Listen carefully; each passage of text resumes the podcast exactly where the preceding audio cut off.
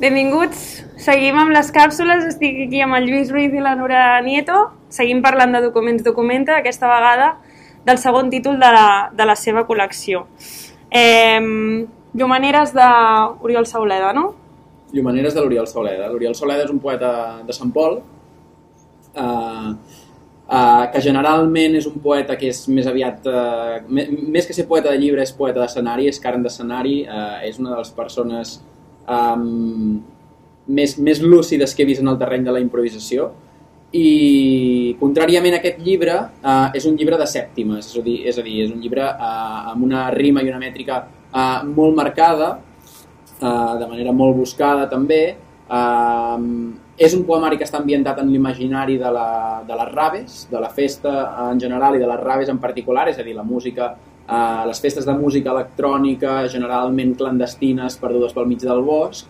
Um, i, I això uh, és un poemari uh, que veu d'aquest imaginari i a partir d'aquí uh, es fa certes preguntes sobre les maneres que tenim de relacionar-nos entre nosaltres, de relacionar-nos en relació doncs, això, a la natura, um, a, a, sobre el sentit, um, sobre els beneficis que ens suposen també les festes uh, en un sentit personal i també en un sentit social, i, i és un poemari molt festiu, és un poemari molt celebrador, um, és un poemari per on hi ha, evidentment, hi desfilen doncs, uh, subwoofers i DJs i música electrònica, però també, uh, uh, diguem doncs, grans personatges de, de, de, de la història, des de Dionís a Hildegard de von Bingen, a, a, al cap tallat de, de, de Capitat de Sant Joan, um, i això és una mica el poemari.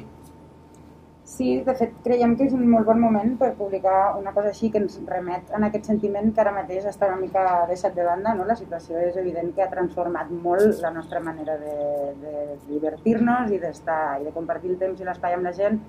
Llavors, creiem que és molt bon moment. És molt bonic llegir això i, i traslladar-nos en aquells ambients i traslladar-nos a, els records que podem tenir, i més qui menys, no? però de, de què, què significa estar enmig d'una festa, què significa compartir el temps i l'espai així, eh, amb tot aquest deseiximent, no? aquesta apertura. De fet, tots aquests personatges, diguéssim, més històrics, eh, li donen tot un caire mm, molt interessant en el sentit de que és molt místic, és molt espiritual, i hi ha tota una sèrie d'apunts cap a, cap a això, cap a quina és aquesta experiència transcendental pràcticament que tenim quan estem això, enmig d'una festa és un tema que es pot, es pot diguéssim, fer molt terrenal, però, però gràcies a l'Oriol també mm, copsem sobretot aquesta, aquesta experiència no? com d'ascensió pràcticament.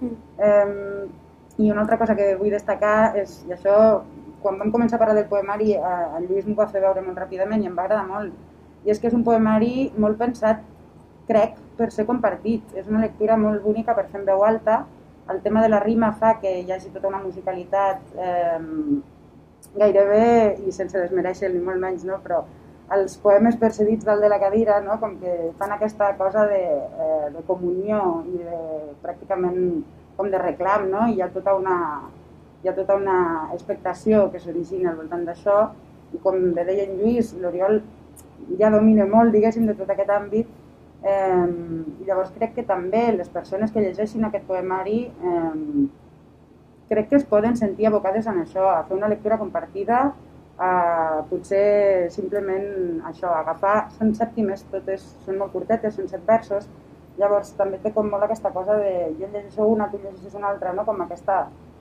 Això és el caràcter festiu, una mm. miqueta mm. més enllà de fer una lectura íntima, que té aquest fons també i té aquesta possibilitat de ser llegit en profunditat i veure quines són, no les lliçons, però sí les reflexions que ens poden dur al respecte de, de com estem nosaltres en el món, sinó també això, com de fem-ho junts, parlem-ne, celebrem-ho.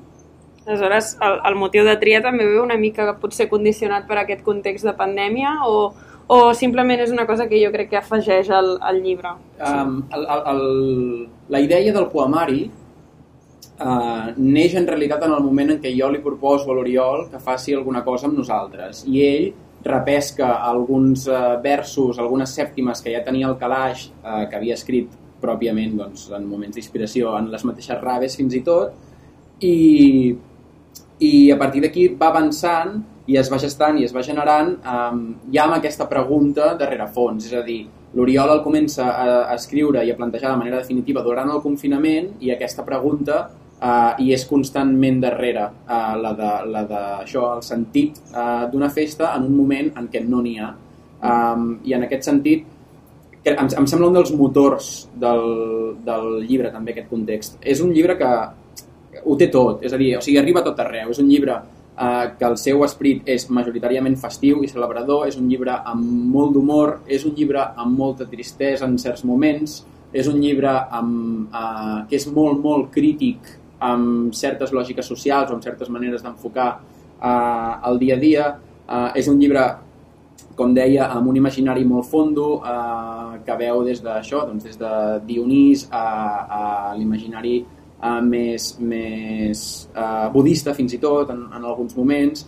Um, és un llibre per molts moments de, de la vida o del dia a dia uh, i en aquest sentit és, e, és un poemari això, uh, no, no vull dir aquesta paraula, però és un poemari com universal en, en el sentit de d'això, que es pot llegir en diferents, en diferents contextos personals, emocionals, i es pot llegir en diferents moments de la, de la teva vida, que en, en tots ells pot, pots trobar-li, arribar-li a trobar un sentit. Mm i com, com vam ja mencionar l'episodi de, de Spotify, Documents Documenta també té una funció de publicar aquests poetes inèdits, eh, potser obriu per participació, de teniu idea de si teniu algun oient que li pugui interessar, doncs enviar un, un, un manuscrit o obrir-vos una mica. Sí que és veritat que heu dit que comenceu una mica amb els vostres contactes, amb els vostres amics, però hi ha aquesta voluntat d'obrir una mica també que arribi a més gent i que més gent pugui participar. Sí, sí faré un matís, que és que l'Oriol no és inèdit. L'Oriol tenia un llibre publicat que es deia El Paller, que havia guanyat el Premi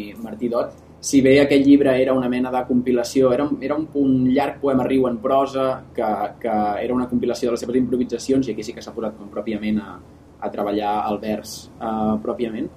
Però sí, això és una cosa que està sobre la taula, és una cosa, la convocatòria està oberta, és a dir, anem rebent manuscrits, uh, i ens els anem mirant tots. Hi ha el gest aquest, la cosa aquesta de dir, bueno, uh, només podem publicar tres títols l'any, uh, podem arribar a rebre manuscrits que ens agradin, però que per uh, circumstàncies no arribin a tenir cabuda uh, per, per aquest motiu. Um, Fixar-se en els inèdits uh, és, és un, pretén arribar a ser un dels motors de, de, del segell, em sembla, també perquè Uh, precisament pel que dèiem abans, com que, com que no hi ha cap tipus de, de aspiració crematística amb el segell, um, doncs que, que la gent que no tingui, que no tingui l'espai o els recursos per arribar a una editorial sàpiga que aquesta doncs sí que es mira aquests manuscrits. Sí, ens els mirem eh, i la veritat és que és una de les parts més boniques també d'aquesta feina, no? com hi ha un gest de confiança mm, molt, molt, molt potent, en realitat en què algú t'enviï un text que està treballant amb totes les... La, la seguretat o la inseguretat, o sigui, al final és una tasca creativa i, vaja, mm, creiem que mostrar-ho eh, ja té un valor molt potent, llavors, en aquest sentit, descobrir una mica com s'està fent un text, com algú està pensant un poemari, quina pot arribar a ser la seva projecció, per nosaltres és maco i és, i és aquest moment en el que, que creiem que ho, ho volem fer bé en el sentit d'això, no? de que volem escoltar eh, sempre les opinions de les persones que publiquem i sumar esforços en el sentit que això, nosaltres som novells i si treballem amb gent que també és novell, clar, aquí hi ha aquest descobriment a què fèiem referència en el podcast, no? doncs eh, és, és això, és, és tot aquest descobriment una, un aprenentatge brutal. Llavors, és bonic perquè ens fa una mena de sentiment d'equip amb, aquesta altra, amb aquesta tercera persona, no? Sí. També hi ha com un gest literari o d'edició que té a veure amb, amb que en poesia i en català particularment em fa l'efecte que hi ha molts pocs llocs on eh, els poetes o les poetes eh, poden enviar un manuscrit sense haver de presentar-se a un premi, sense que hi hagi un fort procés d'edició i en el cas de l'Oriol, per exemple, des que va començar i l'Oriol va tenir la primera idea fins, que, fins al que ha quedat el poemari definitiu, eh, hem donat mil voltes i ha acabat sent una cosa totalment diferent al primer plantejament. En aquest sentit, hi ha aquesta, aquesta eh, vocació, aquesta voluntat d'una feina d'edició que tingui a veure també amb ajudar a, a, a, a fer sorgir l'obra no? amb, el, amb el poeta o la poeta que, que correspongui. Ja veieu que això va una mica també no només a, a, a aquest projecte que neix de vosaltres, és també compartir també amb, amb, el, amb els que com, com, compren aquest primer i segon títol, que potser també poden participar i és com quasi com un esforç conjunt, no? I ja sé que m'acabo de parlar del segon títol, que és aquest que tenim aquí, però teniu alguna idea o de eh, coses que vulgui que tinguin el, el tercer o aquest eh, projectes així de futur, de algo que dius, bueno, mira, el primer anava més de bueno, el de Gabriel Ventura, ara aquest és el de Raves, doncs una miqueta cap on voleu anar ara. El tercer, eh, parlo jo? Vale. El tercer eh, serà un poemari de la Roser Bastida, eh, que en principi té títol però no el revelarem, que és un, per si de cas, per si s'ha de canviar, que és un poemari eh, eh, diguem-ne que, que a través del poemari genera una mena de ficció on hi apareixen cert, certs personatges uh, en un poble d'un lloc que tampoc no direm per si de cas. Uh, i, i és un poemari com amb aquesta voluntat narrativa més o menys narrativa uh, d'una manera molt subtil. Uh, i, i està fet d'aquesta manera. Uh, és un poema a múltiples veus per tots els personatges que configuren l'imaginari d'aquest poble. Uh, uh, sí, això Sí, a veure, ja, no en podem parlar molt en el sentit de que evidentment volem guardar una miqueta... clar, clar. Eh, no, però també, més enllà d'això, està en procés, és a dir... Clar. No és només... Clar, nosaltres no pensem en una línia temàtica, això ens ve donat, no? Llavors... Mm.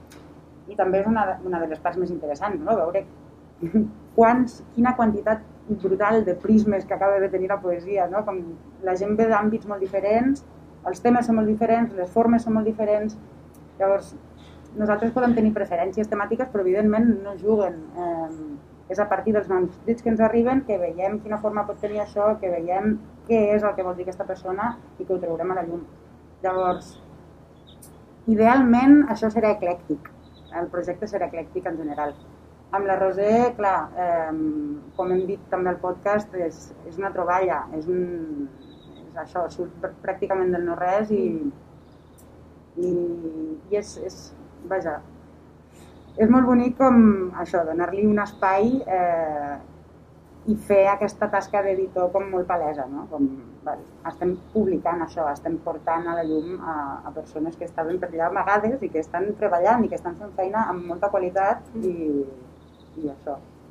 Doncs, de moment, teniu eh, el de Gabriel Ventura, que és el primer títol de la col·lecció de Documents Documenta, teniu aquest Llumaneres, ara, i aprofitant la setmana de Sant Jordi, si voleu regalar, us voleu autorregalar poesia, aquí segur que trobeu alguna cosa per vosaltres.